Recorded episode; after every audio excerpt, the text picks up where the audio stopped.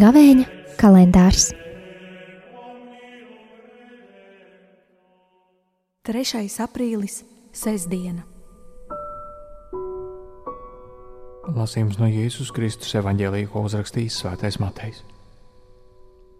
Vakaram iestājoties, nāca kāds bagāts cilvēks no Arimatejas vārdā Jāzeps, kas arī bija Jēzus māceklis. Viņš aizgāja pie Pilāta un izlūdzās Jēzus miesas. Tad Pilāts pavēlēja miesas atdot, un kad Jāzeps miesas saņēma, viņš ietina tās tīrā audeklā, un viņš ielika tās savā jaunajā kapā, ko bija izcirtis klintī, un viņš pievēlis kapa durvīm lielu akmeni aizgāja. Bet tur bija Marija Magdalēna un otra Marija. Viņas sēdēja iepratim kapam.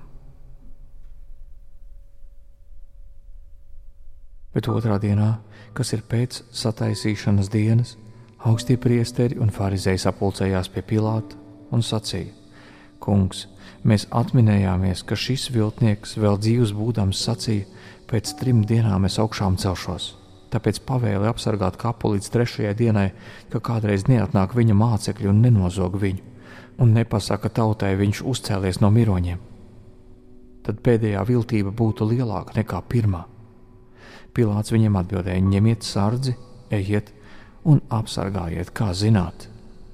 Un viņi aizgāja, pielika kapam sardzi un akmeni apzīmogoja.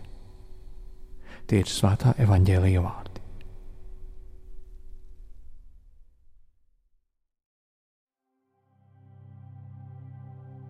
Ir pienākusi klusā sestdiena, bet kas ir klusums?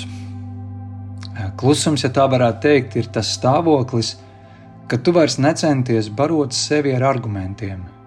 Tu nemeklē pierādījumus, un tu pat ļauj sevi nomirt tam, kas ir neīsts. Un te, tajā pašā laikā, klusumā, tu esi atvērts saņemt, jo tieši klusumā mēs visbiežāk varam sadzirdēt patiesību. Kaut kādā ziņā līdzīgi kā mācekļi kas kluso sestdienu pavadīja nogaidot.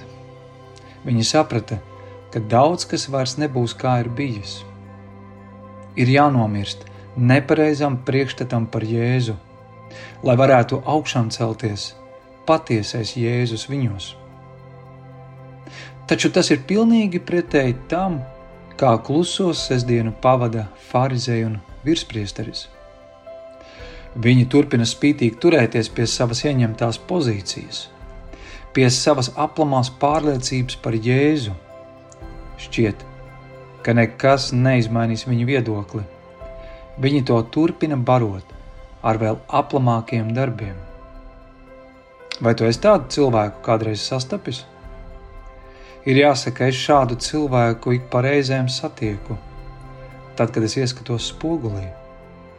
Tad, kad es ieņemu galvā kaut ko nepatiesu un cenšos nevis atzīt savu kļūdu, bet turpinu spītīgi turēties pie sava. Kā ikvienam, tā arī man ir vajadzīga klusā sestdiena, lai paklusētu, lai ļautu nomirt visam liekajam, visiem maldīgajiem uzskatiem par sevi un Dievu, kas reizēm mēdz būt ļoti skaļi. Šajā klusajā sestdienā, kam ir jāapklust manī? Tāds ir jautājums.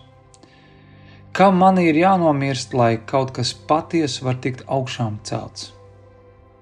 Jo tikai apklusot, varam sākt sadzirdēt patiesību. Lai jums ir klusa šī sestdiena. Āmen! Attende.